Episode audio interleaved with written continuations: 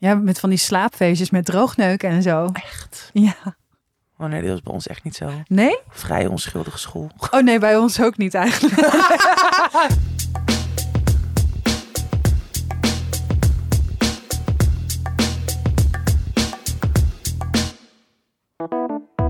Dag mensen en welkom bij de podcast Tussen 30 en Doodgaan. Mijn naam is Malou Holshuis en samen met Tatjana Almouli is dit aflevering 66. Oh, ik had Alweer. het verkeerd in het draaiboek Ja. Ik weet niet wat er met jou aan de hand is. Aflevering 64. Ah nee, 66. Ja, het is aflevering 66. Super. Ja, Daar zijn we weer. we zitten weer lekker met een camera op onze snuffert. Eh, onze snuffert. Onze Op onze snuffert. Ik heb echt een hekel aan mensen die dat soort woordjes gebruiken. Weet je wie ik ook altijd wil slaan? Mensen Nou? die het hebben over je giecheltje. Oh, Ja, vreselijk. ja dan, dan wil ik je vermoorden. Ja. Ja. Maar ken jij mensen die dit zeggen? Ik niet. Alleen mensen die ik sowieso vervelend iemand vind. en ik weet dat die ook luistert. Oh. is echt een hele goede vriendin. Oeps. Shout-out naar jou. Love you. Eh, hoe gaat Anyway. het? Moving on. Oh ja, eh, in wat voor staat treffen wij elkaar? Nou, het is dus, er is echt overduidelijk iets mis met mijn spanningsboog. Is dat nieuw? Ehm, nee, maar nu, eh, wat ik dus vanmiddag heb gedaan, dat was wel echt nieuw. Eh, dat was, ik was vergeten dat, ik, dat het mijn columndag was van eenvanjinek.nl. Oh. Maar hoofdredacteur Lizzie, die, eh, eh, ik was met haar aan het appen. Oh, oeps. Die was echt heel lief. Zo, ja, ja, het is columndag. doe maar rustig aan. Doe maar rustig aan. Zo. Ah. En toen ging ik mijn column schrijven. En was ik zo aan het schrijven. Dacht ik, nee, wat een stom onderwerp. Ging ik een nieuw column eh, beginnen. Zo, nee, nee, nee, nee, nee. Ja, ja, ja, weet ook niet of ik hier zin in heb. Ik weer terug naar die andere. Dat een beetje afschrijven. Oh Dacht ik, God. ja, ja, ik weet niet of ik hier zin in heb. Weer terug naar die ander. Dus tijdens gewoon het werk waar ik normaal heel veel plezier uit haal. Had ik dan nu zo dat zelfs die spanningsboog van een column Ja. afschrijven. Dat je dat gewoon niet Dat- aan kan. Dat het niet lukte en dat ik dan zo doorging naar een andere column. En uiteindelijk heb ik dus nu twee columns geschreven. Dus op zich is dat dan wel, de uitkomst is best wel goed. Ehm, en ja, ik merk dat ik heel erg behoefte heb aan hele domme dingen kijken op tv. Mm. En zelfs dan kom ik tot besef dat zelfs dat af en toe te moeilijk is om te verwerken. Dat ik gewoon, Maar je Ik zit zie- gewoon alleen maar in dat boek. ja, ik zie bewegend beeld.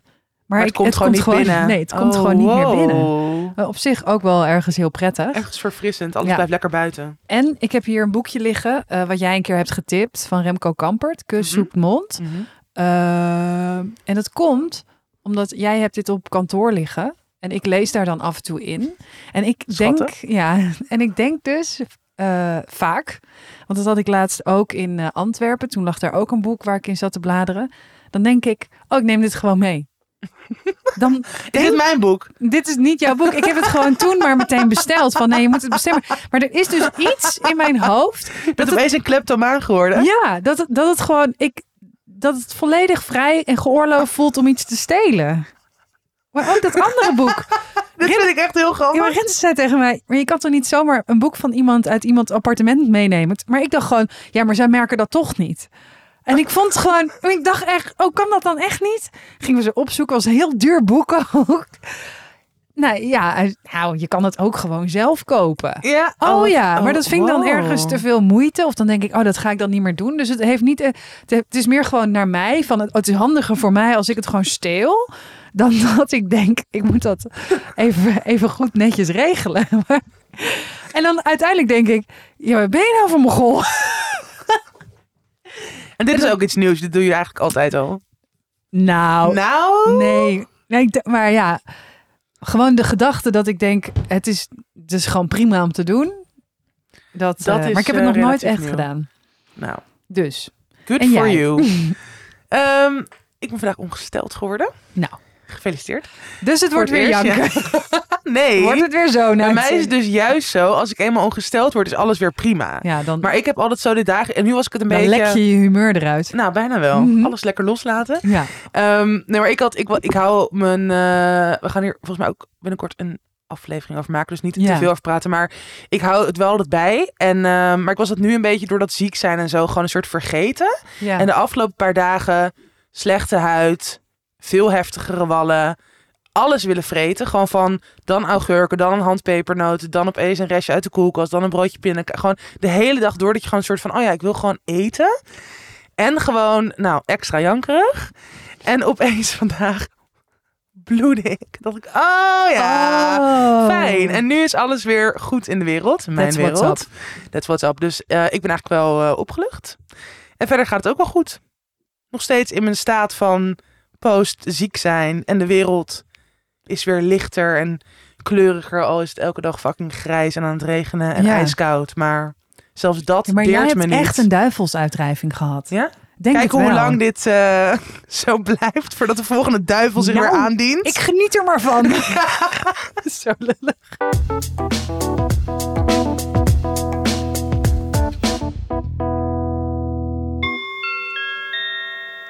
Your attention, please.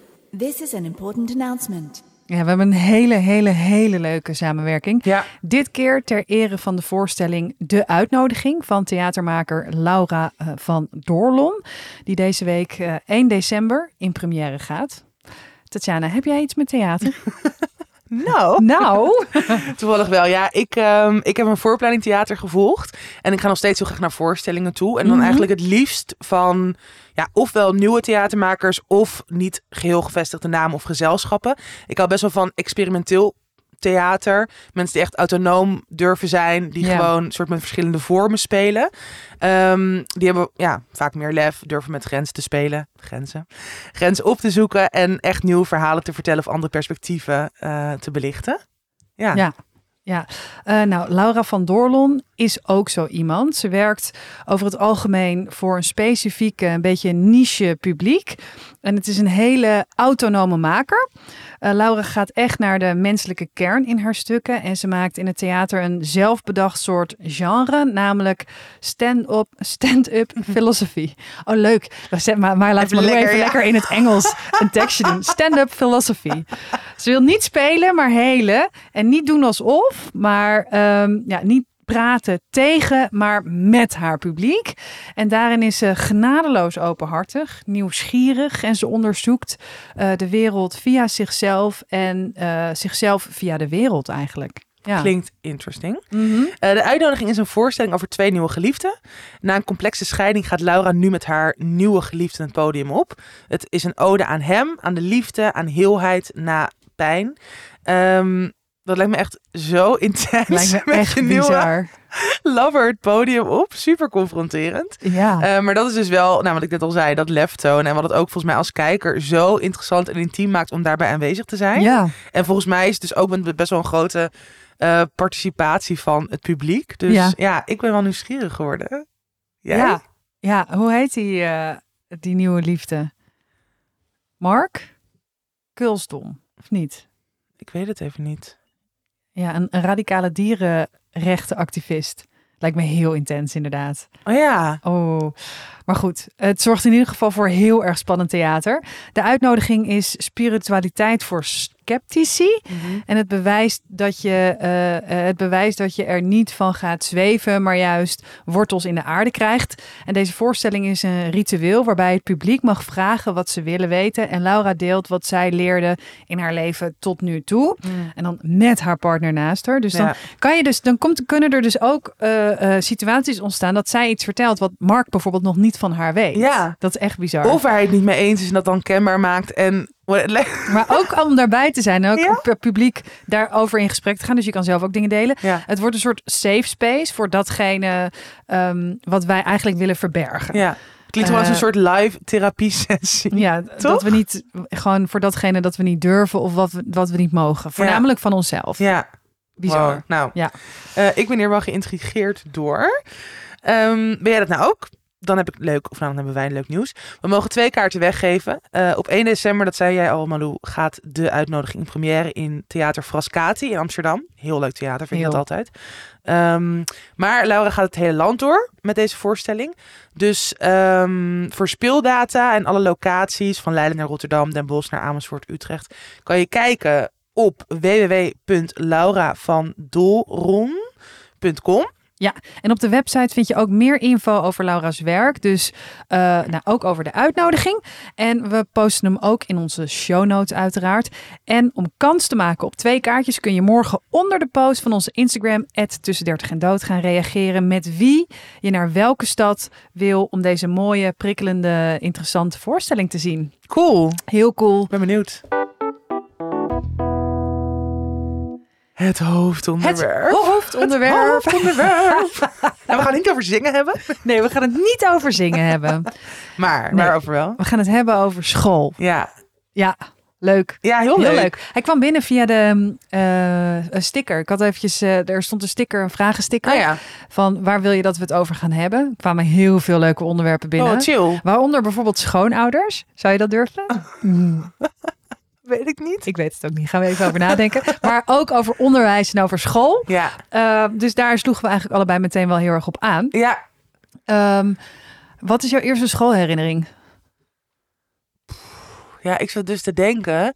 Ik heb echt heel weinig ervaring, of niet ervaring. Ik heb heel Eh, weinig ervaring met in school. mijn leven. met school. Ja, Ja, kan. ja. Nee, ik heb heel weinig herinneringen aan de basisschool. Maar ehm, ik zat dus eh, mijn, he- mijn hele leven van peuterklas tot eindexamen heb ik op de vrije school gezeten. En wat er, de vrije school is vrij sectarisch. Ehm, wat je daar namelijk hebt, nou, is dat je een soort jaarfeesten hebt. ja. Dus je hebt, nou, natuurlijk, eh, kerst is ook eigenlijk een soort jaarfeest. Voor, dat, dat is nogal wijd, ver, hoe noem je dat? Wijd verspreid bekend. Maar ja, iedereen kent kerst wel. Ja, hè? precies. Ja. Ik kan echt- Mijn hersenen zijn ook doorgekookt, helaas. We stoppen vandaag. Dat je zo bij iemand binnenkomt, dat er zo'n kerstboom staat en een gourmetstel. Wow, wow, wat gebeurt hier vandaag? ja, het is kerst. Wat? Oh my god. Ja. Nou, mogen ze mij prima afschaffen. Ehm, Oeh, bitter. Oeh, Oeh. we gaan nog wel een kerstaflevering Ja, we gaan zeker een kerstaflevering maken. Nee, maar bijvoorbeeld het Sint-Jansfeest. Ken jij dat? Nee man, kom Ja. op. Ik ben een atheïst, ik ben een heidene. Ja, ik ook. Ik weet niet eens wat, wat we met kerst vieren. Dat weet ik wel, grapje. De geboorte van Jezus Christus. De nageboorte van Jezus Christus. Dat was, ja, want kerstavond was de geboorte. De eerste kerstdag Was na- hij weer de, nageboor- de nageboorte. En daarna... Oké, Oké, moving on. ja, Sint-Jans. Ehm, eh, Sint-Jansfeest. eh, maar ook bijvoorbeeld... Nou, Pinksteren ken je waarschijnlijk wel. Want dat is ook een christens... Christen, christenfeest. daar werd de nageboorte van Jezus opgehangen aan een kruis. En uitgedroogd. En daarna gebroken en met rode wijn met z'n zevenen gegeten tot de haan kraaide. Toch? Ja. Mhm. Top.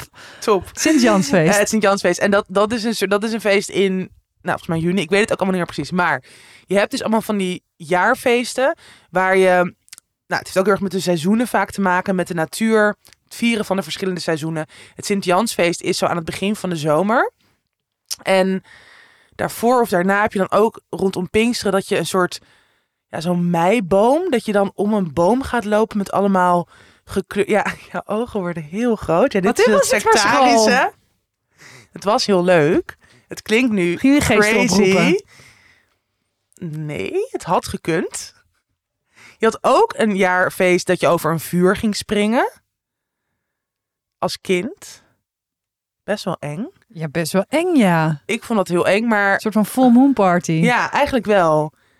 Oh, Maar, echt? Ja, dit, ja, maar nou niet echt. Maar dat was dan gewoon. En dat soort dingen herinner ik me dus heel levendig. Omdat ik dat vaak dus best wel spannend vond. Of dus echt ronduit eng. Mhm. Dat ook Sint Maars, dat was met de, met de draak. ehm, eh, voor, hoe noem je dat? Te- tegen de draak strijden. Het was allemaal een soort van. Sint Maarten? Is dat voor met een ja, draak? dat is met een draak. Echt? Ja, er is zo'n liedje. Wij strijden, wij strijden tegen de draak. En wij deden gewoon Sint Maarten Ja, Mikmak. Hier, met, hier met dat snoep. Sint Maarten Mikmak. Je moeder is een dikzak. Ja. Ja, Mag heb ik niet meer tegenwoordig. Vet shamer. Zo boos. Nou, ik neem ontslag. Ik voel geen vertrouwen meer. Nee, Oh. maar dat soort dingen herinner ik alleen ik. Dus zeg maar, want nu, ik, ik vertel ook het allemaal in Flarden, omdat ik dus niet eens meer precies weet waar het voor stond, wat we allemaal deden. Mhm. Maar het waren hele grote happenings, die ik dus al vanaf de kleuterklas of zelfs peuterklas meemaakte daar. En dat is een soort van hoe ik mijn schoolperiode herinner. Oh. Dat we gewoon een soort van, van jaargetijdenfeest naar jaargetijdenfeest. En dat er Mhm. dus ook, dan waren er ook, dan dat je zo één keer in het kwartaal een soort zaterdagmarkt. En dan ja, allemaal activiteiten die daar omheen werden. Maar dit is Oh. alleen maar voor vrije schoolmensen zullen dit herkennen. Maar heb je dus, eh, had je ook veel vrienden? Dus vond je dat leuk om dat samen te doen? Nee, maar ik bedoel, het lijkt me, eh, of het is heel leuk omdat je echt een soort van eh commune gevoel krijgt. Ja. Of het kan natuurlijk ook heel pijnlijk zijn dat je, dat je da- daar niet naar. Vond je dat leuk, die feesten? Nou, ik, kijk, ik was dus altijd als kind al lijp snel overprikkeld. Dus ik was, ik heb ook wel echt momenten gehad dat ik, dat ik inderdaad soort huilend in een hoekje weer zat, omdat ik het gewoon niet aankon.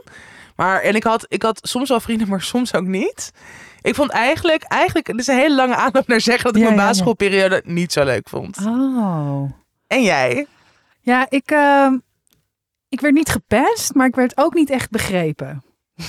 Was, Had ik ook. Ik was een beetje de Matthijs van Nieuwkerk. Ik was een beetje de Matthijs van Nieuwkerk van ik werd niet begrepen. En ik, ik denk dat als ik me eh, echt wel eerlijk kijk naar wat voor kind ik zelf was naar anderen, was ik ook niet altijd eh, al te lief. Eh, mijn moeder zegt wel altijd dat ik gedurende de basisschool eh, ja, toch wel vrij lief was. Was wel heel erg eigenwijs of... eh, ehm, nou, ik wist het wel altijd beter en zo. Vooral van, van andere Mhm. mensen.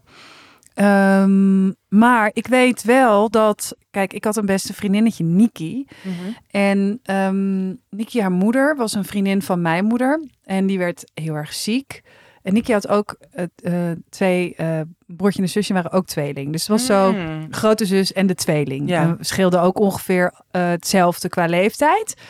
En nou, zij, ehm, haar moeder overleed. En toen kwam zij, eigenlijk toen die moeder heel erg ziek was, al bij mij wonen. Mm. Dus dat was, zeg maar, zij was mijn aller, aller, allerbeste vriendin. En ehm, zij zat op een andere school. Mhm. Dus we gingen dan naar een andere school iedere ochtend. Maar we hadden gewoon bedacht dat we, als we naar de middelbare school zouden gaan, dan gingen we naar dezelfde school. En we hadden ook gewoon een school uitgekozen Mhm.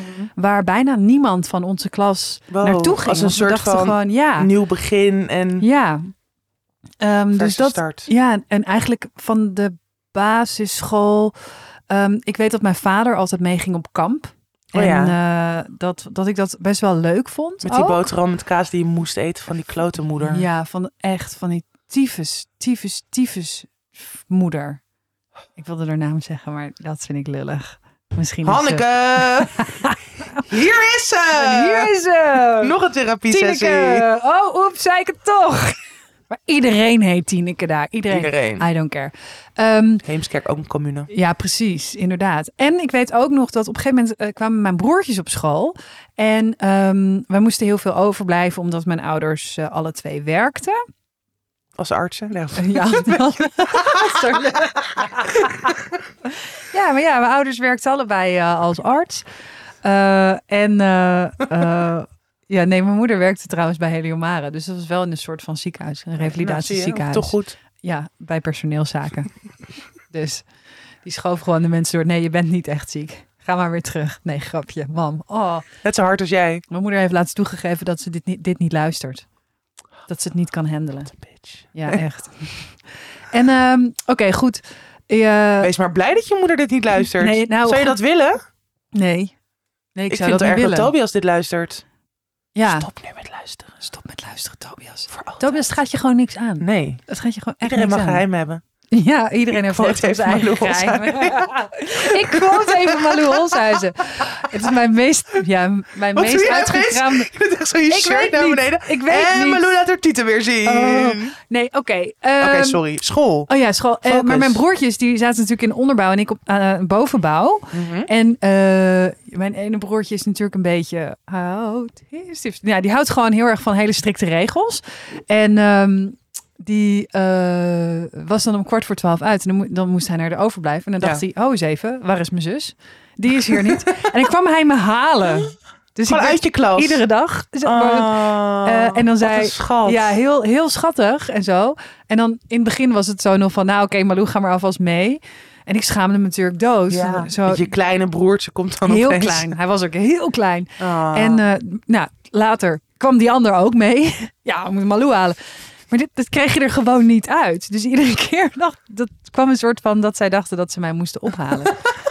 ja, uit de klas. Maar echt Eh, heel grappig. ja, dat. En ehm, ja, toen, eh, eh, nee, dus de basisschool, ja, pff, ik weet niet. Ik ben, ik ben een keer zo We zijn ook al zo oud, we weten dit ook gewoon Ja, niet meer. ik weet het gewoon niet meer. Volgens mij was het prima. Ja, ben ik niet heel erg gepest. Nee. ik ben wel een tijdje best wel gepest. Ja. Maar ja, dat is wel grappig. Met sommige, dit, misschien is dit gewoon... Ben ik hier zo erg overheen gegaan? Of er zijn, nou dat denk ik vooral. Er zijn gewoon daarna nog veel ergere dingen gebeurd. Ja, net zoals bij precies. jou. Life goes on. En, En kut. 10.000 andere trauma's. Dan is het dan, want ik, er zijn natuurlijk mensen die echt, wiens pestverleden hun gewoon echt soort van... Verdienmodel is. Nee, grapje.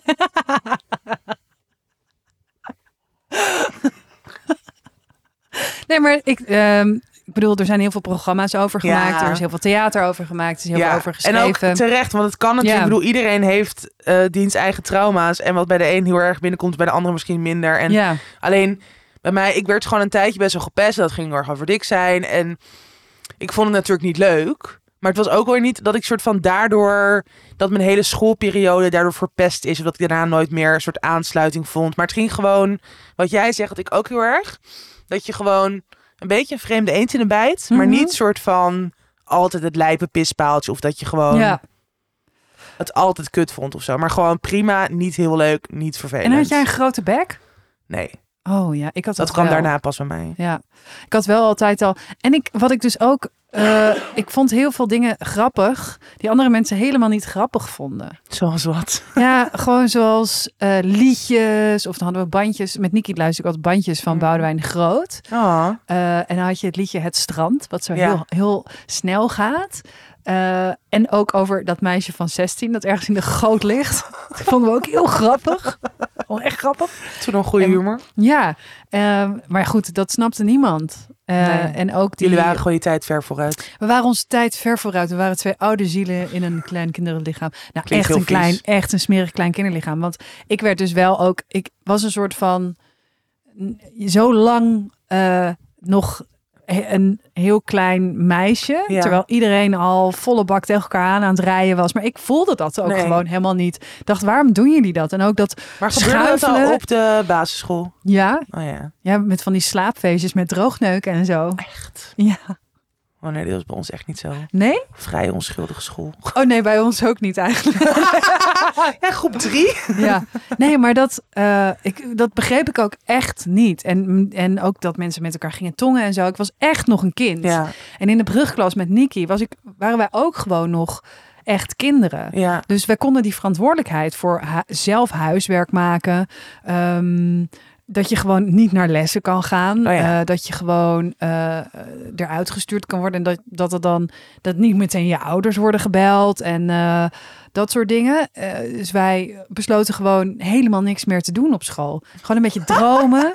We waren echt, echt wel een beetje dromers. En dan gingen we altijd, ja, als we terug naar huis moesten fietsen, gingen we dan eh, liever naar de paarden. Of, en dan gingen we gewoon nog spelen. Oh ja. Zeg maar gewoon Met fantasie. Barbies. Nee, fantasie dingen spelen buiten en dat soort dingen. Dat hebben we echt heel lang gedaan. Ja? Maar ook dus nog op de middelbare school. Ja, ook nog op Oh, de middelbare grappig. school.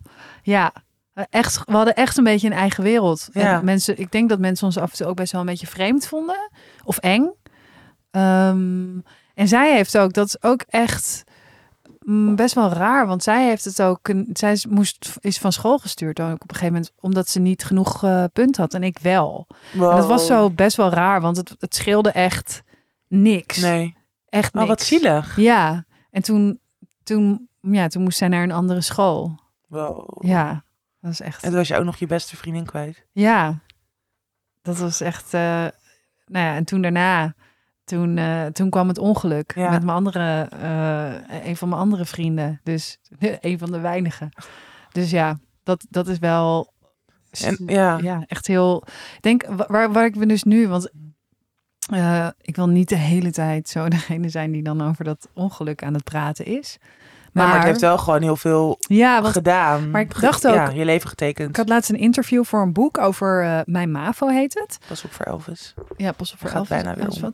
En dat ging dus over, eh, wij zaten toen in het eerste proefjaar van VMBO. Dus dat ging het van de MAVO naar de VMB, naar VMBO. Ehm, maar dat was natuurlijk een klas die gewoon volledig getraumatiseerd was.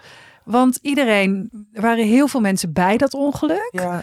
Of andere mensen zijn er ook langs gefietst. Die moesten die spoorwegovergang nog over. En het was gewoon iemand En in je klas. Iemand in je klas die je bent verloren. Dus het is echt bizar eigenlijk. Ik heb daar nooit over nagedacht. Het moet ook zo moeilijk zijn geweest voor docenten. Dat je gewoon die klas... Les moet geven Oh, en ja, gewoon... en het waren maar twee MAVO-klassen. En iedereen hoorde bij. Het was, het was gewoon, weet je, we kwamen... We gingen ook met, met allemaal op kamp en weet ik veel wat. Ja. Dus het was ook gewoon één hele groep Mhm. getraumatiseerde kinderen in één klas op de MAVO. En dan ook nog eens met een soort van nieuwe leerweg. Ja. Wat dus ook ergens een soort van slagingsdrang heeft. Hè? Dat Ja, moet ja, werken. Terwijl Wow, ze, pittig. ze konden dat bij ons natuurlijk, hebben ze dat nooit goed kunnen meten. Nee. Of, dat, of die methode werkt. Want Nee. iedereen, Iedereen eh, was al helemaal... iedereen was helemaal fucked up. fucked up. Ja. Ik weet ook nog wat mijn eh, eh, lespakket was. Dat heb ik laatst even opgezocht, Oh. want dat was heel raar. Eh, dat zou ook nu helemaal niet meer kunnen. Ehm, eh, ik eh, had dus een lespakket zonder tweede vreemde taal. Dus ik had Frans en Duits had ik al laten vallen. Maar ook zonder wiskunde. Dat kon toen nog. Wow. Dus ik had Nederlands, Engels, geschiedenis, aardrijkskunde, economie, biologie en dus scheikunde. Scheikunde had ik dus zonder wiskunde en zonder natuurkunde. Eh, Ja, en ik zal je even vertellen hoe ik daar mijn, eh, eh, hoe ik dat heb gefixt. We hadden een docent, meneer Baudard. hm. Een hele leuke man, Indische man. En hij hield heel erg van dansen, dus daar vertelde hij dan heel vaak over. En hij gaf dus les in scheikunde, maar hij was kleurenblind. Super moeilijk. Dus is al best lastig als je scheikunde Echt geeft. knap. Want ze doen veel met de kleurtjes in de scheikunde. veel. Ehm, en je had dan natuurlijk altijd van die hele moeilijke formules. En die moest je dan eh uitrekenen. Nou, ik, dat is voor mij abracadabra. Ja. Want daarom had ik ook wiskunde laten Ja, vallen. ja, Dus dat kon ik niet. Nee. Dus welke idioot daarvoor he- heeft gezegd... nou, laat Malou Zuizen maar gewoon dit, dit lespakket doen. En hopen dat ze goed oplet bij biologie... en niet te vroeg zwanger wordt. Maar goed, ehm, hij eh, was dus kleurenblind. En je had toen van de HEMA had je van die gelpennen. Oh ja. Weet je dat nog? ja, ja, ja. En je had dus ook fluoriserende gelpennen. Als je kleurenblind bent, Oh dan God. zie je dat niet. Dus wat we als deden was, meneer Baudard, we vinden het fijn als wij kladblaadjes bij de proef mogen doen, want dan kunnen we de formules uitschrijven. Ja hoor, is goed. En ik schreef gewoon dan, het hele boek schreef ik over. Nee, dat is echt niet oké. Dus ik denk dat ik mijn centraal eindexamen ging ik met iets van een 9 of zo eh, erin. En toen de- gemiddeld stond ik een 9. En ik geloof, ik geloof dat ik eh, voor mijn eindexamen zelf iets van een, een, een 2 of een 3 heb gehaald. En het werd natuurlijk het gemiddelde telt. En Maar toen ben ik daar dus geen- geslaagd. Geen vraagtekens bij gezet. Ja, Want als je een 9 gemiddeld erin gaat en je haalt een 2, Ik dat denk- is zo'n groot verschil. Ik denk dat het ook omdat het mijn zevende vak was. En je kon toen nog op zes vakken, Oh ja. kreeg je je diploma. Ja, En de rest was ook. allemaal echt twee vingers in mijn neus eh, en een pakje boter. Dus volgens mij dachten ze ook, deze vrouw nog één Ja. jaar op deze school gaat ze niet overleven. maar jij was dus wel best wel jong toen je dan... Want ben je dan 16 als je klaar bent met je VMBO-T? Ja, Ja, 15 precies. Ja, echt heel jong. Ja, heel jong. En wat, hoe was jouw middelbare schooltijd? Ehm, nou, wat ik, wat ik me... Het begon best wel prima. Dat, dat is ook een beetje een soort aan de vrije school. Dat je... eh, veel mensen die op de vrije school zitten... willen ook dan naar de middelbare vrije school. En die doorstroom is ook relatief makkelijk. Ehm, dus ik kwam daar in een klas terecht met best wel veel kinderen die ook bij mij op de basisschool in de klas hadden gezeten. En waar ik niet per se beste vriend mee was. Maar je hebt dan toch al een soort vertrouwdheid. Mhm. Dus dat vond ik best wel prima en gewoon, gewoon prettig. En ik had best wel snel al één beste vriendinnetje, Zoe. En dat, zij bleef ook gewoon, de rest van mijn middelbare schooltijd bleef zij gewoon mijn beste vriendin. Mhm. En dan op een gegeven moment werd het een beetje zo'n groepje, maar gewoon heel erg zo met, met andere meisjes. Ja. Dus dat vond ik wel fijn, want dat had ik dus op de basisschool had ik dat gewoon echt niet. En nu had ik wel best wel vroeg al, volgens mij echt zo in de eerste maand gingen we al bij elkaar logeren en zo. Dat je gewoon meteen een soort kern te pakken hebt. Nou, wat toen best wel raar was, was dat ik in het eerste jaar ben ik bijna een half jaar van school geweest, omdat ik intern bij een afvalkliniek ging. Oh, wow. Heb ik dat al eens verteld? Dan weet nee. ik niet. Ja, een lang verhaal, maar ik was toen, eh, ja, ik was toen, ik zat gewoon echt in, in ja, dat heeft dan, de, de, de vrije school heeft ook een soort andere telling. Je Ja. hebt dan zevende, achtste, negende, tiende, elfde klas in plaats van de eerste, tweede, derde. Oh ja. Maar ik zat gewoon in de eerste brugklas. Ja. En toen, na drie maanden of zo, ging ik intern in een afvalkliniek in Hilversum. Heideheuvel heette dat. En daar kreeg ik eerst een soort van... Ja, dat ik dan wel schoolwerk uit Amsterdam meenam daar naartoe. En dat ik gewoon een soort ja, zelfstudie of zo. Maar ik hoefde dan ook geen proefwerken te maken. Mhm. En toen ging ik op een gegeven moment, na de eerste interne maand, na de eerste tweede of zo, ging ik dan naar een school daar in Hilversum. Maar dat was echt fucking raar, want Ja. natuurlijk totaal andere. Ja, natuurlijk, sommige dingen zijn wel overeenkomstig. Maar het is gewoon een hele andere manier van lesgeven. Hele andere docenten. Dus ik heb dat eerste jaar volgens mij. Ja, eigenlijk gewoon bijna niks qua schoolwerk gedaan. Maar dat is ook wel een beetje de vrije school. Het is daar ook gewoon een beetje. Ja, toch net meten met andere maten, denk ik, of zo. Ja. Want ik ben daar gewoon prima doorgestroomd. De doc- mijn, mijn, mijn mentor die zei wel van ja, waarschijnlijk haal je wel, maar ja, je kan niet echt meer dan VMBOT, maar dat is prima of zo. Terwijl dat dus niet echt ergens op gebaseerd was, want ik was gewoon weg geweest, een Ja. half jaar. Ehm, maar ik mocht wel gewoon doorstromen. En dat is wel, eh, als ik me, als ik gewoon denk aan mijn middelbare schooltijd qua gewoon curriculum of qua vakken of qua, ik bedoel, ik deed wel wat. Mhm. Maar het is altijd wel. Zeg maar, ik haalde nooit. Ja, soms wel hoge cijfers. Ik had wel een paar vakken waar ik gewoon heel goed in was. Of dan net zo'n. Weet je wel, een paar thema's die ik dan heel erg interessant vond in geschiedenis of in Nederlands of Engels of nou, whatever. En dan daar haalde ik dan even een 8 voor en daarna dan weer 5. Maar dan was het gemiddelde gewoon altijd een 6 of een 7.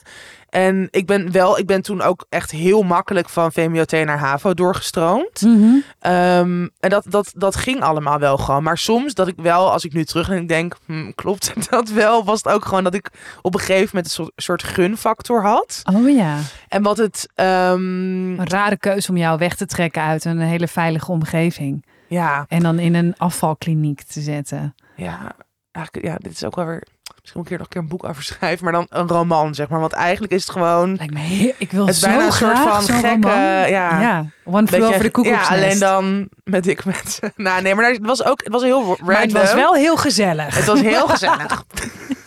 nou, helemaal niet echt vreselijke kinderen. Oh, Maar het was ook met, het was heel random. Even nog kort. ja, sorry. Het waren eh dikke kinderen, maar het waren ook kinderen met astma. dus er waren een soort van. Wat raar. Zo raar. En die zaten dan wel, dan zat je samen op een groep met elkaar. Ja, het is echt, nou, hier ga ik nog wel een keer iets over maken. Maar ehm, terug naar school.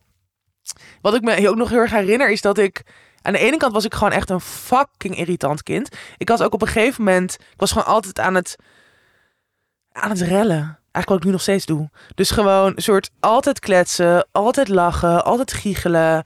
eh, ook heel veel roddelen docenten wegpesten. We hebben echt veel docenten weggepest. Ik had op een gegeven moment record nablijven. Er hing zo in de centrale hanghal beneden. Hing dan zo, stond, was gewoon een bord met ook, weet je wel, dit uur valt Ja. uit, whatever. En dan hing er zo'n formulier met nablijvers.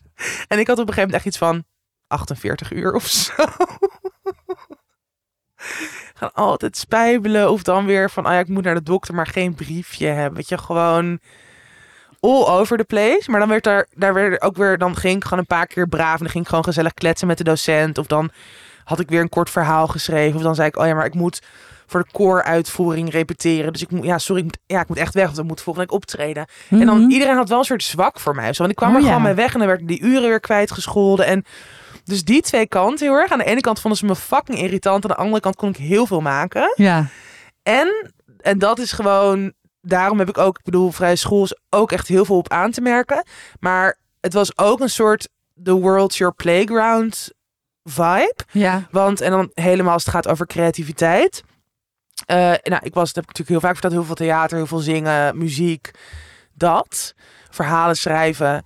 En dat vond ik de docenten allemaal geweldig. Dat is natuurlijk Ja. ook heel erg wat bij die, dat heb je nu wel op meer scholen, maar dat was in die tijd, was dat best wel uniek bij de vrije school, dat het Mhm. gewoon heel erg hoog in het vaandel stond. En als, er, als je gewoon een idee had, dan het kon altijd. Oké, dat gaan we gewoon doen. We gaan, weet je, Ja. we hebben op een gegeven moment een soort die Zauberfleuten in het ne die Zauberfleuten van Mozart in het Nederlands, die opera hebben we gewoon in het Nederlands gemaakt met gewoon topmuzici. We hebben in het muziek gewoon het ei opgevoerd. Ik heb op een gegeven moment een soort muziekstuk gecomponeerd dat door het Concertgebouworkest is opgevoerd. Gewoon, als ik er nu over nadenk, gewoon echt, echt vette dingen. Ja. Maar toen was het heel erg vanzelfsprekend, omdat het zo, zo ging het daar gewoon. Mhm. En dat is wel, daar ben ik gewoon heel dankbaar voor of zo. Dat ik dat, eh, ja, dat, ik dat, dat dat gewoon mijn basis is eigenlijk. Ja. En dat ik daardoor ook altijd heel erg, als het dus gaat over creatief denken, dat ik, nou, natuurlijk heb ik soms ook blokkades of dat ik gewoon denk, oh my god, ik kan niks. Of, nou, waar wij het natuurlijk vaker over Ja. hebben, ook als schrijver. Maar daar, ja, het blijft toch altijd wel gewoon een soort stromen of zo. Dat ik ook wel denk, nee, maar ja, waarom eigenlijk niet? Ik kan, Mhm. ik kan toch gewoon, of ja, ik kan dit toch gewoon gaan fixen of Ja. met mensen samen. Of, en dat, dat heb ik wel echt op, ja, tijdens mijn middelbare schooltijd eh, is dat, is dat eh, begonnen. Ja, ik was ook heel vervelend. Ja? Ja. Wat doe jij dan? Nou, ik heb ook laatst wel eens een- helemaal een beetje in en rondom eh Zacht op Lachen toen het uitkwam. Best wel veel mensen nog gesproken. Omdat het ook best wel gaat Oh. over die tijd. En ook docenten. En ehm, ja, ik schrok toch wel als je dat dan... Als je heel veel mensen dat over jou hoort zeggen, maar ook hoort zeggen, jij was ook wel de ergste, zeg maar. Ehm, ik was niet onbeschoft, maar ik was wel heel erg aan het provoceren, heel erg recalcitrant. Ja. En ehm, ja, dat eh, als ik dat dan hoor over, over wat ik heb gezegd, weet je, ik Zoals had- wat dan? ja, ik- die eh, een lerares Nederlands, ik een keer eh, een glas wijn meegedronken, was echt, echt ontzettend leuk. Ehm, die zei, eh, ze zei, en toen ze vertelde dus ook, en ik had al gewoon echt de meest beroerde week van mijn leven, ook privé, allerlei dingen en zo. En ehm, ze had daarvoor ook al iets, er was iets gebeurd. Ja. Ik weet niet eens, ze zei, ik weet niet eens zozeer wat. En toen kwamen wij eh, in haar klas en eh, weer Malou en Niki, weet je wel, zo. Mm. En ze had hele mooie lichtblauwe ogen. En toen zei ik, hé hey mevrouw, heeft u eh, lenzen in? Van die kleurlenzen?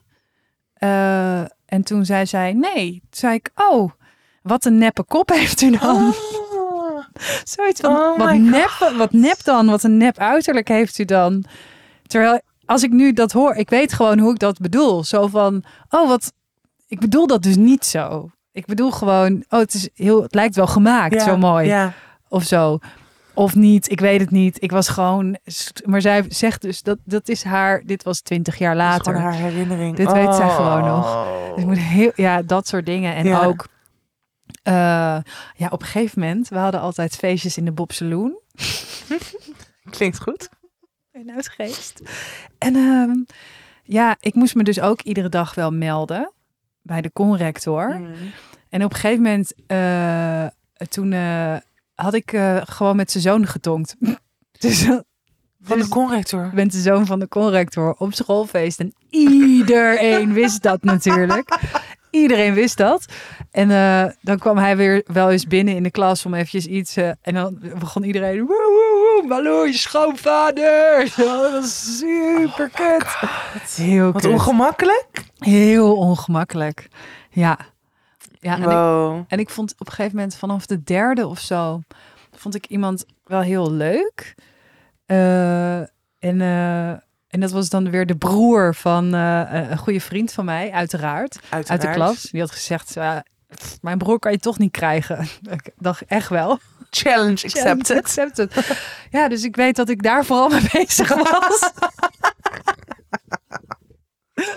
ja, Wow. ja, daar was ik eh, heel erg mee bezig. Wilco, als je luistert, love you. Love you still. Ja, dat. Misschien moeten we het een andere keer hebben over na de middelbare ja, school. over studie. Over studie Ja, dit is zo. gewoon zo'n groot onderwerp. Ja.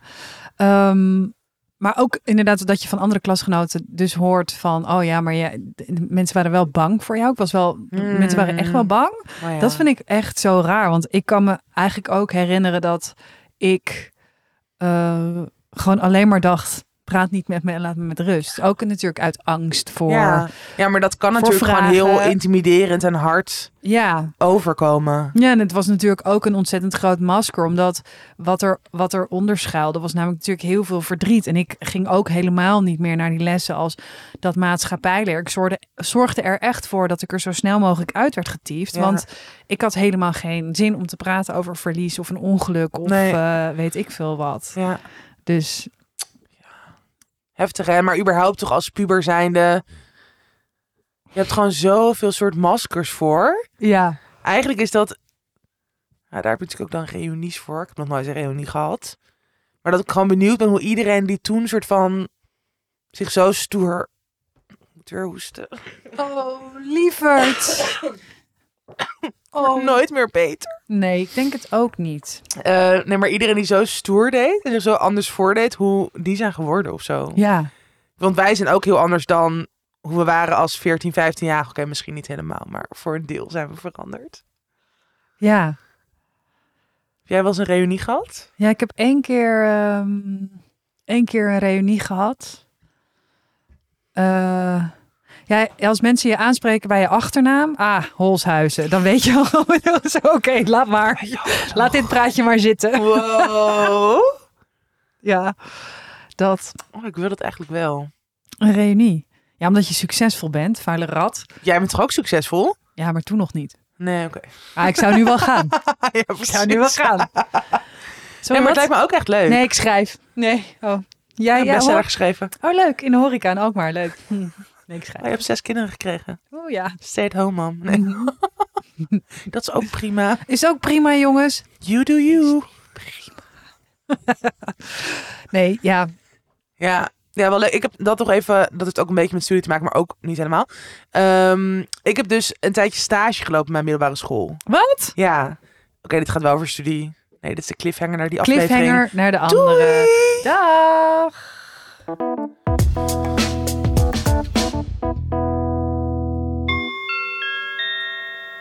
Your attention, please. This is an important announcement. Ja, we hebben weer een samenwerking met een oude bekende. Een van onze favoriete uitgeverijen, Blossom Books, maken veel eh, boeken met eh, grote betekenis. Die, Ja. eh, eh, ja, met het oog op naderende feestdagen.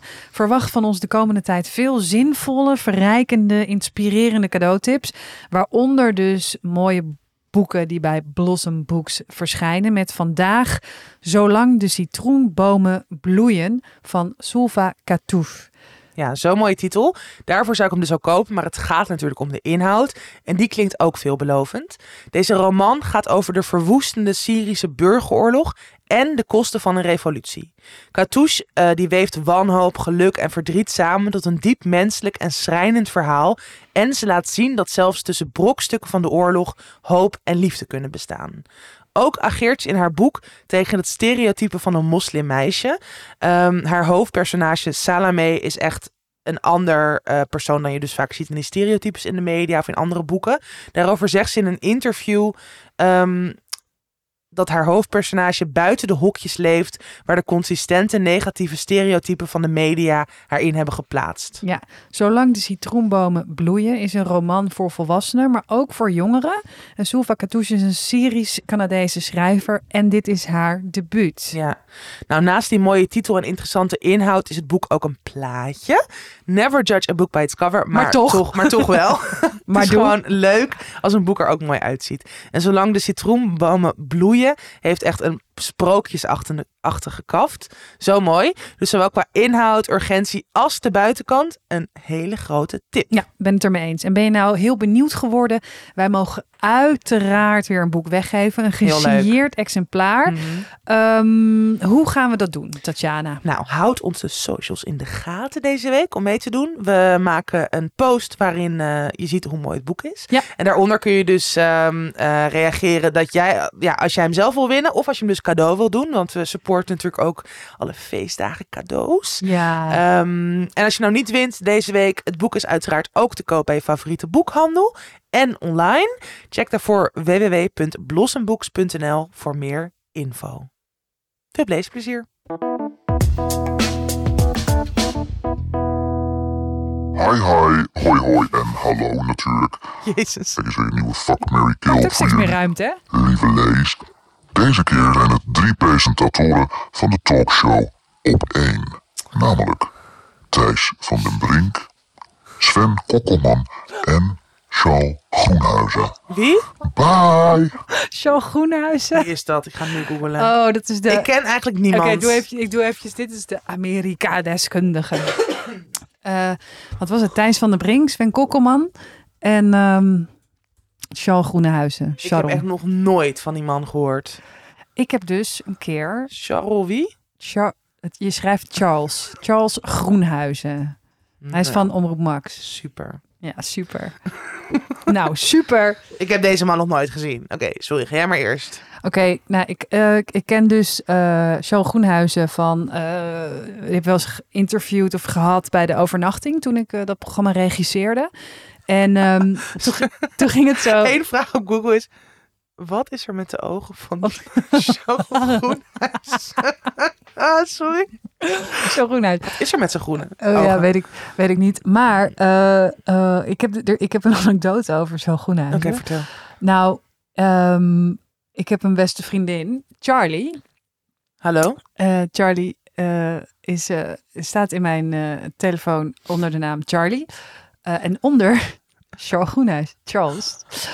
En toen heb ik een keer per ongeluk een heel smerig bericht naar... Per eh, ongeluk? nee, naar- ik wilde dus iets naar Charlie, eh, want die noem ik ook wel eens Charles. Ja, ja, ja. Dus ik, hey Charles, bla bla bla. En ik stuurde dat zo. En het ging over iets. Het ging geloof ik over sporten en over mijn kont. En nou, nou, weet je wel dat. En toen zag ik in één keer, fuck, ik heb dat naar Charles. Maar dat was nog in de tijd dat je niet dat kon kan wissen. Dus hey, eh, volgens mij stuurde hij iets van haha. Of zo. Was heel gek. En toen, toen stuurde ik, sorry, dit was voor mijn eh, vriendin Charlie. Oh, en niet voor jou. Maar hij reageerde super sportief. Oh, maakt er niet uit. Kan toch gebeuren, zoiets zei hij. Ah. Eh, Sven Kokkelman. Dus je zou met hem seksen? Joejoe. eh, Sven Kokkelman ken ik van eh, eh, dat Rinse hem altijd tegenkomt in de Albert Heijn. En dan daarna zegt, ik kwam Sven Kokkelman weer tegen in de Albert Heijn. Ah. Die, da- dat. En In eh, Hilly Town. Thijs van de Brink. Daar heb ik een keer bij, bij op één gezeten. En die zei van de EO. En ik ben. Ik, ik ga natuurlijk schelden. Oh, jij zegt... dat weet ik nog. altijd heel erg schelden. Als ik. eh, Zenuwachtig ben. Ja, En als ik zenuwachtig ben. Oké, ik zou dus. eh, oh my god, wat, wat is dit voor duivels dilemma? Nou, ik zou eh Thijs van de Brink killen. Want die is gelovig, dus die gaat dan naar de hemel. Dus dat is niet erg. Wel mooi. Dan zou ik oh, eh, seksen met Charles Groenhuis, omdat ik dan getrouwd ben met Sven Kokkelman. Volgens mij is dat wel een goede zuiper. Dan kan je gewoon lekker een beetje. Ik zie hem ook Nou, af en toe met een sigaret voorbij hele lopen. go- Goeie interviewer. Ja, precies. Kan hij mij lekker de hele eh, avond interviewen. Dat is toch leuk? Toch Ja. een soort aanzien. Dat. En het is en ook heel prettig dat ik daar niet mee naar bed hoef. Dus. En nu jij. Maar ik ken ze. Ja, kijk, ja, ik weet, nee, je gaat er nu niet weer. Door jouw onkunde, door jouw, door jouw Wow. gebrek. Wow, Matthijs van Nieuwkerkje. Ja, Ja, onkunde! jouw onkunde. Jij bent niks. Jij bent niks. Je, je weet niemand wie. Maar hoeveel presentatoren heeft op één? Hey, even serieus. Ik heb Ja, geen ik idee. kijk gewoon nooit een talkshow. Ik heb serieus vrijdag voor het eerst in mijn leven. Kan ik dit zeggen? Ja, natuurlijk kan je dit zeggen. Ja, ik had het gewoon nog nooit gezien. En nu Oh. ging ik het kijken door de hele... Oh, door de op. Maar ik, ja, ik kijk gewoon nooit talkshows. Dus ik heb er nog nooit op één gezien. Oh. Ik keek altijd de wereld gaat door, maar ja. Maar ja, Maar ja, kijk, daar, daar ga je. Ehm, daar ga ik. en door jou, als jij niet had gekeken, waren die kijkcijfers niet zo hoog. Oké. Oké, Ehm, ja. Ik zou dus ja, ik zou trouwen met Sven Kokkelman, want ik vind hem gewoon cool. oké. Dus Dat dat, mag. ja, dat lijkt me leuk. Gewoon, ehm, ja, nee, prima. Ehm, nou, dan zou ik wel seksen met die Charles Groenhuis. Die ziet er op zich wel sympathiek uit. Kijk hem dus nu voor het Het eerst. is ook zo grappig dat jij hem Charles noemt. Ja, het is Charles Groenhuis. Charles? Hij heet gewoon Charles. Kom je even lekker in mijn bedje? Hij heet gewoon Ehm, Charles. Charles. En hij is Amerika-kenner. Nou, daarmee zou ik Want hij is er twee keer geweest. Nee, grapje. Hij heeft, hij heeft ook gewoond. En oh, Thijs van der Brink is ook Amerika-kennertje. Wow. Ik ben Thijs van der Brink, Amerika-kenner. Jammer dat hij dood is in jouw... Ja. eh, ja, wat is het eigenlijk? Fantasie? Ja, Spelletje? Leven? Oké. ehm, Live Ja, en dan moet Thijs ook eh, helaas eh, dood. en is dat dan met kerst, met Pink, Pinkster of Sint-Jansfeest? Wat is dus Ik eigenlijk... denk Sint-Jansfeest en dan kunnen we op de... Oh, nee. Maar wat vier je bij het Sint-Jansfeest? Ja, een soort... Wat is de eh, christelijke de aanleiding? zomer. Maar het is niet per se christelijk. Vrij school is niet christelijk. Oh, christelijk of de maan. Ja, zoiets. Oh ja. Dat is eigenlijk echt een hele goede typering. Ik denk dat ze jou kunnen inhuren als een soort spokesperson van de Vereniging vrije School in Nederland. Christelijk of de maan. Namaste. Maar steentjes. Later. Ja. Namaste is echt een soort dezelfde categorie als giecheltje. Nee. Want jij bent vooral, jawel. Oh, maar steentjes is van eh, Martine Sandvoort. Ja, maar dat trek ik gewoon ook niet. Hij is heel zielig, want die gaat... Ja, ze gaat, gaat ze dood? Nee, ze gaat niet dood. Nee, ze gaat niet dood. Thijs van der Brink. Oh ja. Die, die is er Oké, die moving is er aan. Eh, Sint-Jansfeest, een vuur, Thijs van der Brink, it happened. Oké, en dan ga je dus naar bed met... Charles?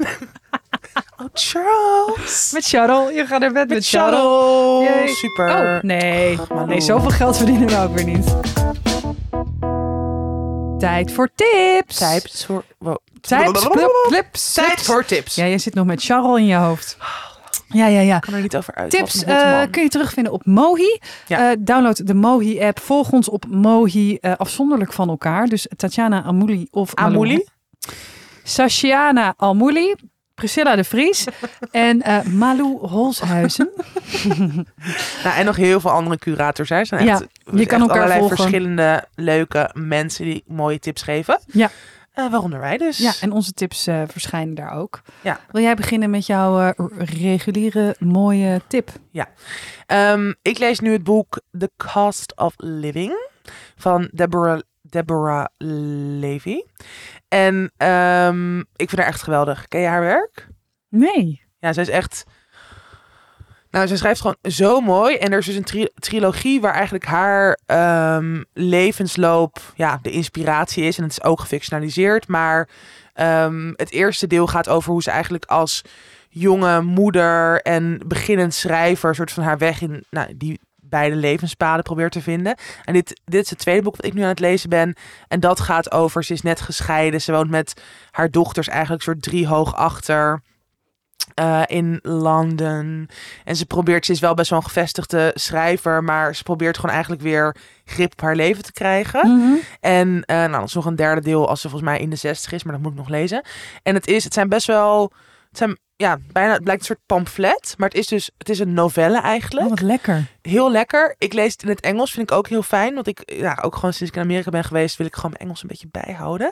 Maar dit is dan ook heel overzichtelijk. Want ik ga echt niet dat, dat, dat fucking dikke boek dat we voor over, hoe heet het niet over, maar dat we van Sally Rooney lezen voor onze extra aflevering. Dat is gewoon, Daar ga je echt voor zitten. ja, en dat is gewoon 350 pagina's. Nou ja, Mhm. zou ik op zich ook wel in het Engels kunnen lezen. Maar dat vind ik dan wel echt is meer dedication. En dit is Ja. gewoon heel fijn om te lezen. En ik vind ook, zij schrijft gewoon zo mooi, zo zorgvuldig. Hele, gewoon hele mooie taal. Waarvan je steeds denkt, ook wel dat ik deze zin had bedacht. Maar niet een soort extreem intellectueel of eloquent. Gewoon ook heel helder en toegankelijk. Maar ergens ook wel poëtisch gewoon over ja, het alledaagse bestaan. Heel veel herkenbaarheden erin. En bijvoorbeeld ook heel erg mooi over... Ja, het gaat dus over die periode na haar scheiding. En dat ze ook heel erg mooi schrijft over hoe soms juist leven in chaos is wat je eigenlijk nodig hebt. Omdat dan alles even een soort van eh, wankel is. Maar dat je juist daarin ook weer nieuwe ehm, zaadjes kunt planten. En eh, gewoon kunt voelen wat er echt toe doet. En Mhm. wie je wil zijn. Dat is ook bijvoorbeeld in die periode dan juist heel veel aan het schrijven is. En allemaal soort nieuwe interessante inzichten krijgt. Dus ja, echt een tip. Inspirerend lijkt me ook. Heel erg. Ik tip de film She Said. Ehm, er is geen beter moment, denk ik, om deze film eh, te tippen. Het is eigenlijk een beetje alsof de cirkel rond is hè, voor, voor mensen hier. Tenminste, ehm, Als je kijkt naar wat er nu gaande is Mhm. binnen, eh naar aanleiding van het Volkskrant-stuk en Matthijs. Um, She Said is gebaseerd op het gelijknamige boek uit 2019 van Jodie Cantor. En, ehm, eh, eh, en Megan Toohey. Ik weet niet zo goed of ik het zo goed uitspreek. Ja, ik denk het wel. Ja. Maar dat zijn dus de journalisten van de New York Times die Harvey Weinstein en eh, de geschiedenis van het misbruik en seksueel wangedrag jegens vrouwen aan de kaak hebben gesteld. Mhm. En dit zijn dus eigenlijk twee journalisten die de wereld hebben veranderd. Het, het gaat over hoe ze zijn tegengewerkt nou, en, en bedreigd en weet ik veel wat eh, door mensen, mannen met macht. Mhm.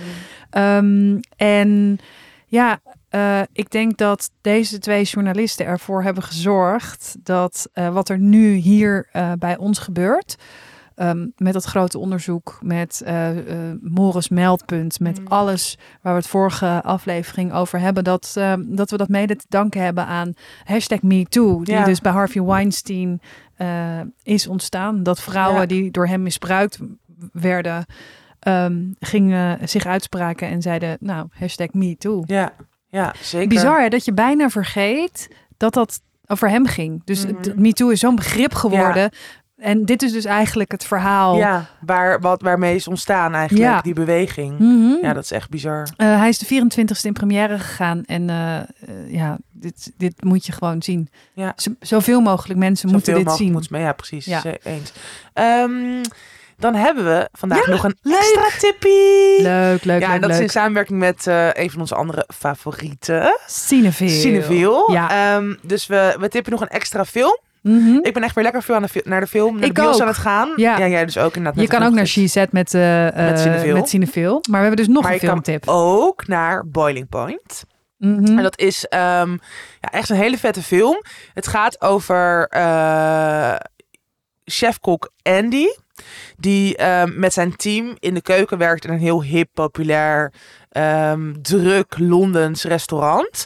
En de film is in één take gefilmd. Vind ik altijd fucking, Fucking vet. bizar. Ja, ik vind dat altijd zo interessant. En het zorgt ervoor dat het. Ja, dit is sowieso is dit gewoon een heel intens, indringend verhaal. Want je kan je voorstellen, toch? Ja, ik heb niet echt in de horeca gewerkt. Jij Ja. wel. Maar dat je gewoon, ik heb dat soms als ik in een vol restaurant zit, dat je gewoon denkt: oh my god, hoe houden al deze mensen in de bediening, maar al helemaal soort in de keuken hun hoofd koel? Hoe kan Mhm. dit eigenlijk? Soort van alles tak, tak, tak, tak, tak, dat alles op zo'n hoog niveau. En dat zie je dus in deze film. Ehm, en er gebeuren in, in, in het leven van die Andy gebeurt privé heel veel, maar dus ook op de werkvloer. En je ziet heel mooi die dynamiek van zo'n keuken. En waar je gewoon aan de ene kant super veel stress, super veel spanning. Aan de andere kant natuurlijk ook heel erg de kick als dingen wel lukken. Hoe erg je moet samenwerken. En dat zit er allemaal in. En omdat het dus in één take is gefilmd, ben je als kijker soort van je wordt helemaal meegezogen in dat Ja, verhaal. het kruipt echt bijna een soort van onder je huid. Op een gegeven moment Krijg je er Krijg ook je zelf- stress van? ja, ik had echt, dat wilde ik net zeggen. Op een Sorry. ik echt zo van, oh my god, gewoon het is goed. Gewoon helemaal soort van naar adem ben je aan het happen. Maar ook wel heel, ja, echt een vette ervaring. Je moet wel genoeg vreten meenemen als je naar zo'n film gaat. Inderdaad. Je moet dat echt eh, je moet goed echt fixen. niet alleen maar één zakje M&M's, maar gewoon heel buffet. Een heel buffet mee. ja, inderdaad. Eh ja, Ja, zie veel pas naar She Said of dus Boiling Point.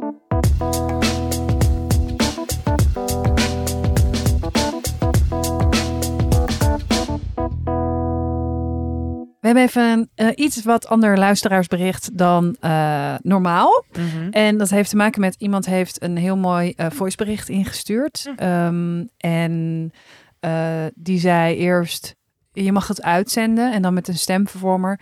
Maar omdat iemands dictie ook wel te herkennen is, was Ja. het toch ehm, te persoonlijk. te persoonlijk? eng, Ja, Dus ehm, mocht ik het eh, gewoon eventjes zo hier vertellen. Ja, oh ja. Ehm, zij zei dus, ik heb een hele goede vriend en die zit in een enorme depressie. Mhm. En die heeft laatst eh, in zijn armen gesneden en daar een foto van gemaakt. En ook dat naar haar gestuurd. Zo van, ik heb dit nu gedaan omdat ik echt hulp nodig heb.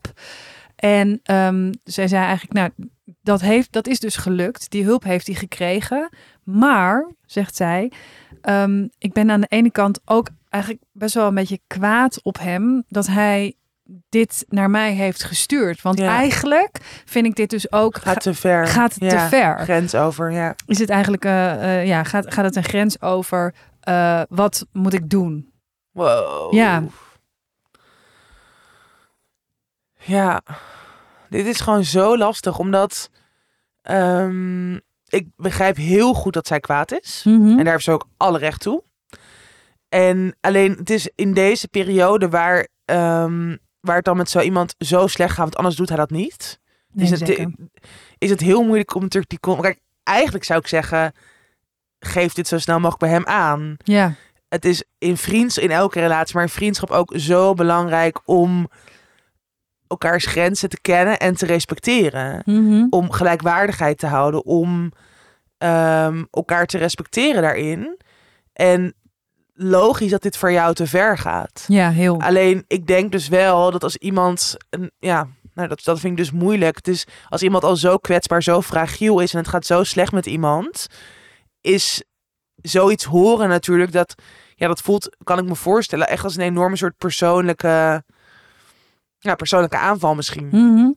Ja, ik zou inderdaad, ik zou het zeker wel met hem delen. eh, dat jij dit, ik zou gewoon zeggen dat je het zelf ook niet aan kan. Dit, deze, Ja, de, en dat als, ja, want het, het is ook te veel. Het is, het is heel heftig om zo'n foto te krijgen met bloed en, en Ja. van alles. ja, En ik denk dat het heel goed is om te zeggen wat dit met jou doet. ja, En ook omdat je eh, iemand heel graag wil blijven helpen. Ehm, ik denk dat het misschien zelfs ook kan helpen door te zeggen. Nou, niet door te, door te laten weten dat jij hier echt pijn van ervaart. Mhm. Want ik denk dat dat natuurlijk niet zijn bedoeling is om jou pijn te doen. En dat misschien wel om, om dat te vertellen. Van het doet me echt heel veel pijn als ik dit, dit zie. En het is echt heel heftig. Ik zou die boosheid misschien een beetje proberen eh, te verbloemen. Maar wel, wel iemand Ja. duidelijk maken dat jij dit ook niet kan hebben. Nee. Ja, ik vind het dus heel lastig, omdat ik dan denk van ja, ik, ik weet zelf hoe het is om echt heel depressief te zijn. Ja. Ik zou dit. Ja. Trek je dat dan niet? Nou, ik denk dat, dat? dat je wel heel erg het gevoel kan hebben dat het een soort van, oh, nu heb ik ook nog mijn vrienden soort Oh, ja. teleurgesteld. Of nu heb ik ook nog dat verkeerd. Dat het je nog meer het gevoel kan geven dat je niks waard bent. Mhm. Alleen, ik ben het wel met jou één. Dus daarom denk ik ergens ook misschien toch even wachten tot het misschien, tot die therapie op de rit is. Tot het misschien iets beter met hem gaat. Mhm. Iets, dat hij iets sterker weer is. Want dit is wel iets wat je ook... En dat er natuurlijk weinig te reflecteren valt. Ja. Ja. En als je echt knijterdepressief bent, dan ben je ook niet echt jezelf. Hè? Dan is het Nee. echt, dat, dat, ja, dat weet ik ook uit erg eigen ervaring. Dan heeft iets je voor, ja, dat, ik vind het ook altijd lastig, want je bent het nog steeds zelf. Je doet, hij voert die actie zelf uit. Dus uiteindelijk moet hij daar ook verantwoordelijkheid in nemen. Alleen, het is ook dat je gewoon niet helemaal er bent of zo. ja. Ehm, omdat het, echt, het is echt een ziekte die, die, zich soort van in jou nestelt en niet alles over kan nemen. ja. Ehm, ik denk wel dat er nog, zeg maar, als je wel het gesprek, als je voelt van ik kan nu ook niet meer met hem omgaan als ik niet het gesprek voer, Mhm. denk ik dat jij erg gelijk hebt met probeer niet vanuit die woede, maar dan meer vanuit soort hoe het voor jou is en vanuit soort compassie en vanuit die emotie meer of gewoon uit, vanuit het gevoel. In ieder geval echt als je met diegene samen bent. Dus niet via WhatsApp, want je weet dan niet in wat voor staat hij is en dus dat je wel in die zin gewoon met iemand in een ruimte bent en ook kan zien hoe het landt en het er gewoon zo open over dan proberen te Mhm. hebben. Zo open mogelijk.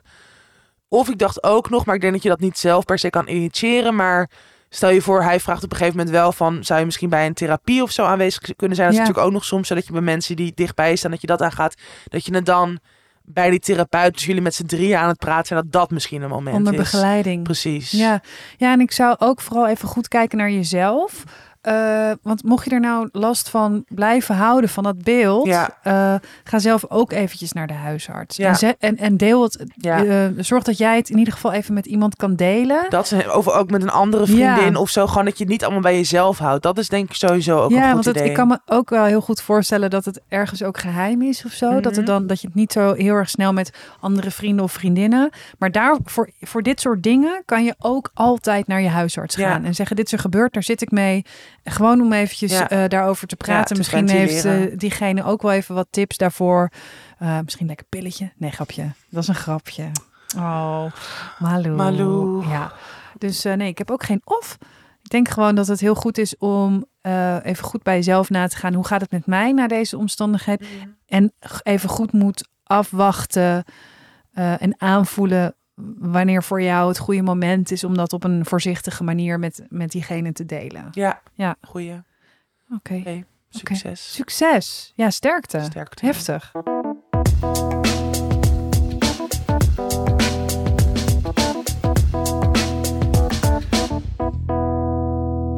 Dat was hem weer. Dat was hem weer. Weer lekker lang. We zijn een beetje in ons... Ja, weet ik veel. Ja. Zitten op onze praatstoel. Zitten op onze praatstoel. Lekker. Lekker uitgebreid. Ik krijg waar voor je geld. Oh, nee. Genoeg eh, geno- Ja. genoten. Jezus, ik kan niet meer praten. Ja. Het is tijd om te stoppen. Het tussen 30 en dood gaan Eh. onze Insta. Ook voor de eh, theatertickets en de boekactie. En de tips zetten we er ook altijd nog even op. En in onze stories. En ehm, blijf ons levensvragen sturen. We zijn er donderdag weer met een kersverse. Yes. En eh, wil je samenwerken, dan kan je ons het best mailen. Tussen 30 en gaan. gmail.com. Aanhef. Lieve Joel. En nou, tot later. Doei. Doei.